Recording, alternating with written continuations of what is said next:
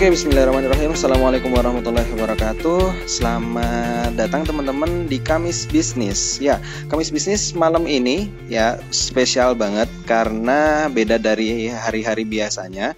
Kamis Bisnis biasanya itu bareng duo B ya, double B. E, ada Brian dan Brian gitu. Kalau sekarang Brian lagi sama seseorang yang luar biasa. Mungkin teman-teman udah tahu ya dari story Instagramnya kita. Teman-teman bisa tanya di sana tentang wirausaha bareng Bapak Indra Uno ya. Luar biasa. Nah, setelah ini Brian bakal bacain pertanyaan-pertanyaan kamu di yang sudah teman-teman uh, tulis di story Instagram kita gitu ya. Nanti akan dijawab sama Pak Indra Uno langsung. Dan teman-teman bisa simak di podcast Kamis Bisnis uh, edisi malam ini gitu ya. Kita langsung saja. Assalamualaikum Pak Indra, gimana kabarnya Pak? Waalaikumsalam warahmatullahi wabarakatuh. Semangat para listeners. Panggilannya listener ya? boleh Pak. Ya.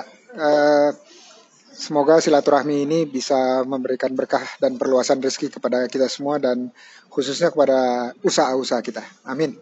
Amin ya luar biasa ya uh, ini pengalaman saya langsung wawancara Pak Indra dengan kesibukannya kita bisa ngobrol langsung dengan Pak Indra Langsung saja Pak, ini ada beberapa nih teman-teman yang sudah tanya tentang uh, wirausaha. Yang pertama dari rekan kita di Instagram, bisnis apa ya yang yang potensial saat ini dan potensial untuk masa depan ya yang dari Pak Indra pernah lihat gitu. Yang potensial untuk bisa dilakukan oleh anak muda bisnis seperti apa Pak? Kita selalu mendapatkan pertanyaan berulang di mana pun kita bikin sesi terutama untuk kewirausahaan yaitu apa sih yang bisa langsung dilakukan dalam waktu yang tidak terlalu lama.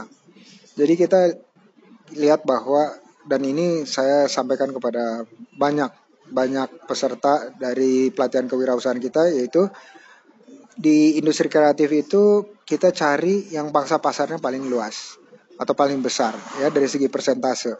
Kenapa harus begitu? Dengan kita lihat bahwa pangsa pasar kita luas, itu kemungkinan produk atau jasa kita dibeli itu lebih tinggi. Walaupun kita juga tahu bahwa semua orang juga akan berpikir sama. Jadi pemainnya atau pesaingnya juga akan lebih banyak daripada pangsa pasar atau sektor yang lebih kecil. Nah, saya bicara mengenai industri kreatif. Kenapa? Karena dia relatively lebih rendah untuk tantangannya untuk masuk ke dalam industri tersebut. Contohnya kuliner. Kuliner kita lihat bahwa kebutuhan orang akan makan itu tidak bisa berhenti atau tidak pernah akan berhenti. Orang akan selalu butuh makan.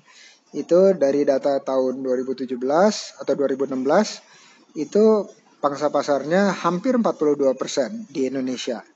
Nah, yang berikutnya adalah yang kita sebut industri pakaian atau fashion.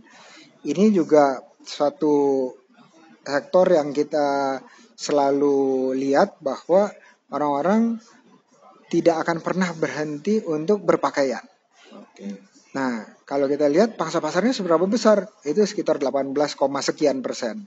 Yeah. Nah, jadi kuliner dan fashion itu ada dua yang paling besar. Yang berikutnya adalah kriya ya, handcraft. Yeah. Nah, itu jadi kalau ditanya mau mulai yang di mana? Boleh kuliner karena kita tahu atau mungkin kita sendiri bisa punya masakan atau membuat penganan atau minuman, tetapi juga kita mudah juga mencari akses orang yang bisa melakukan itu dan harganya baik dan kemasannya baik dan rasanya juga baik. Nah, itu bisa kita jadikan suatu usaha atau suatu permulaan untuk usaha. Nah, kalau kita bilang, wah kita nggak ada modal sama sekali, ya, mulainya sering, uh, sering banget kan, gimana ya. caranya?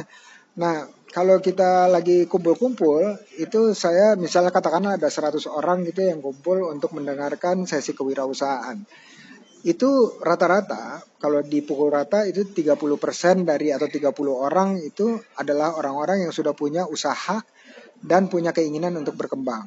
Nah, 50% lagi itu adalah orang-orang yang datang yang ingin memulai sesuatu usaha, artinya dia belum punya usaha.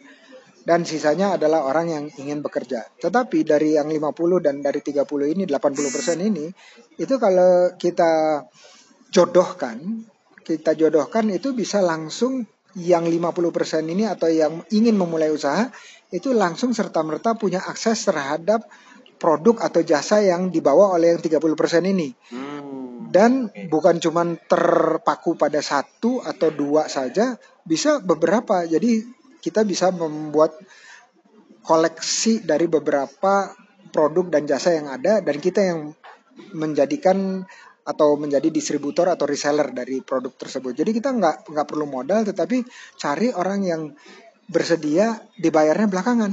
Dan ini banyak banyak yang saya temukan terutama untuk uh, kuliner yang bukan langsung basah langsung gitu ya, basah ya, ya, langsung basi gitu yeah. ya yang bisa disimpan beberapa lama atau pakaian. Ini banyak sekali yang menawarkan ya udah nanti kita bagi hasil kalau sudah terjadi penjualan. Seperti itu. Oke, ya luar biasa ya. Jadi sebenarnya peluang banyak sekali ya Pak Indra ya untuk kita bisa menjadi seorang wirausaha.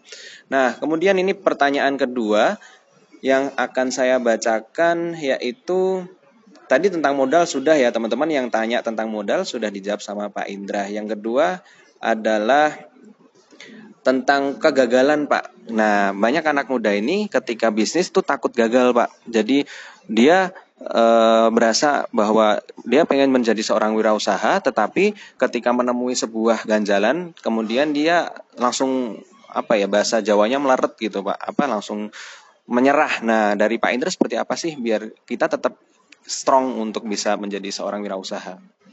Saya kasih analogi dengan suatu aktivitas olahraga. Okay. Contohnya berenang. Berenang kalau kita belum bisa berenang itu kita pertama-tama sekali kita ingin belajar gimana caranya. Tapi belajarnya bukan dari buku kan atau apalagi dari internet lihat-lihat video seperti itu. Iya, yeah, iya. Yeah. Kita harus terjun basah dan beserta orang yang sudah lebih dulu bisa berenang. Yeah. Atau yang kita sebut kalau lebih canggihnya adalah coach, yeah. coach renang. Nah, satu-satunya jalan kalau kita mau mulai usaha itu mau nggak mau kita harus punya basic knowledge tentang apa yang kita ingin lakukan. Oke. Okay.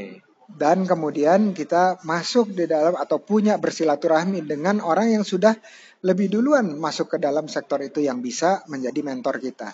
Hmm. Nah, berikutnya baru kita mencari komunitas yang bisa mensupport atau ekosistem lainnya yang bisa mensupport kegiatan usaha kita sehingga apa yang kita lakukan di situ adalah bagaimana kita mencari jalan keluar dari resiko-resiko yang bisa timbul seperti kegagalan usaha. Yeah. Nah, dengan cara itu kita sudah praktekkan yang namanya uh, pengelolaan resiko dan oh, pengelolaan okay. resiko ini adalah salah satu hal yang sering kali sama pengusaha pemula itu diabaikan dan begitu mereka udah jatuh baru berpikir baru oh iya gitu ya. baru sedih kenapa saya nggak punya teman-teman uh, manajemen uh, atau pengelolaan dari resiko-resiko yang bisa timbul hmm. ada plan A plan B dan seterusnya dan uh, dari ilmu-ilmu yang uh, bisa didapatkan luas dari teman-teman atau maupun dari internet jadi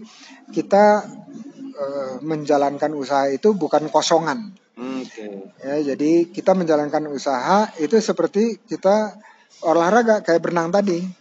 Kalau nggak bisa ya di tengah-tengah kita ya tenggelam, tenggelam yeah. atau bangkrut. Dan yeah. kalau udah bangkrut, walaupun itu adalah pembelajaran yang berharga sekali untuk kita, tetapi kalau kita bisa menghindari itu dan kita menggunakan ongkos bangkrutnya itu ongkos bangkrutnya itu untuk pengembangan usaha itu jauh lebih baik.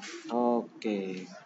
Berarti yang pertama tetap harus punya ilmu ya Pak ya, ilmu dan mentor biar kita nggak tenggelam istilahnya gitu ya. Kemudian yang kedua harus punya komunitas yang menjaga ruh atau menjaga semangat kita. Yang ketiga adalah teman-teman harus punya pengelolaan resiko, harus tahu nih kalau resikonya nanti seperti apa. E, misalnya rugi itu teman-teman sudah bisa mengantisipasi. Nah terakhir ini ada pertanyaan Pak tentang uh, bagaimana mengurus perizinan usaha. Ini mungkin simpel ya teman-teman bisa cari di internet. Mungkin mungkin uh, bisa Pak Indra tambahkan sedikit tentang perizinan usaha sebelum nanti kita closing, Pak. Saya ambil contoh dari gerakan buka lapangan kerja OKOC. Uh, di situ kita memberikan akses atau memfasilitasi orang untuk mendapatkan perizinan dengan cara kita yang sudah kita latih dan dampingi itu kita masukkan ke dalam jejaring dan kita ajukan kepada pemerintah daerah setempat atau di Jakarta namanya PTSP. Ya, uh, eh, PTSP adalah uh, apa singkatannya? Uh, satu pintu perizinan terpadu.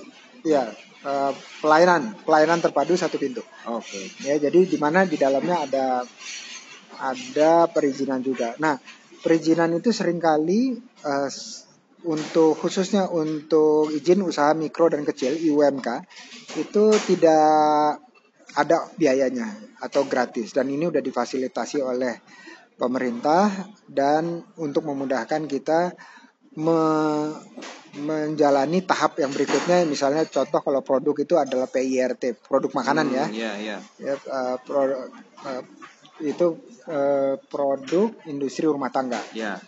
Ya, nah ini semua eh, bisa dijalankan dan kita nggak harus trial and error sendiri, tetapi sekali lagi kalau kita punya komunitas di dalam komunitas itu ada orang-orang yang sudah melalui uh, proses perizinan tersebut yeah. dan kita bisa belajar sehingga kita mengurangi bukan hanya biaya juga tapi waktu yang diperlukan untuk mengurus perizinan tersebut. Yeah. Dan perizinan ini sangat diperlukan satu saat. Kenapa? Karena pasar kita itu bisa kita perluas kalau izin kita ada. Okay. Permodalan akses juga bisa didapat kalau izinnya juga ada. Jadi yeah. izin ini krusial, tetapi izin bisa sambil jalan. Yang penting kita bisa mulai setelah dilatih dan didampingi oleh para mentor tersebut baru kemudian kita secara paralel mengurus perizinan. Oke, nah itu teman-teman mungkin eh, pertanyaan-pertanyaan yang sudah dibaca sama saya, tapi mungkin nanti teman-teman mohon maaf nih yang belum bisa terbaca, nanti bisa ditanyakan langsung ke Instagramnya Pak Indra gitu ya di @indrauno. Jangan lupa di follow ya teman-teman dan di follow juga Hayang Planner nih ya. Nah mungkin ini closing statement dari Pak Indra untuk anak-anak muda wirausaha yang ini sebagai penolong bangsa gitu ya Pak ya, penerus bangsa dari Pak Indra ada pesan-pesan seperti apa Pak untuk anak muda? Anak muda sekarang itu udah waktunya kita lulus sekolah itu kita menjadi bagian sebuah bagian generasi yang menciptakan atau membuka lapangan kerja.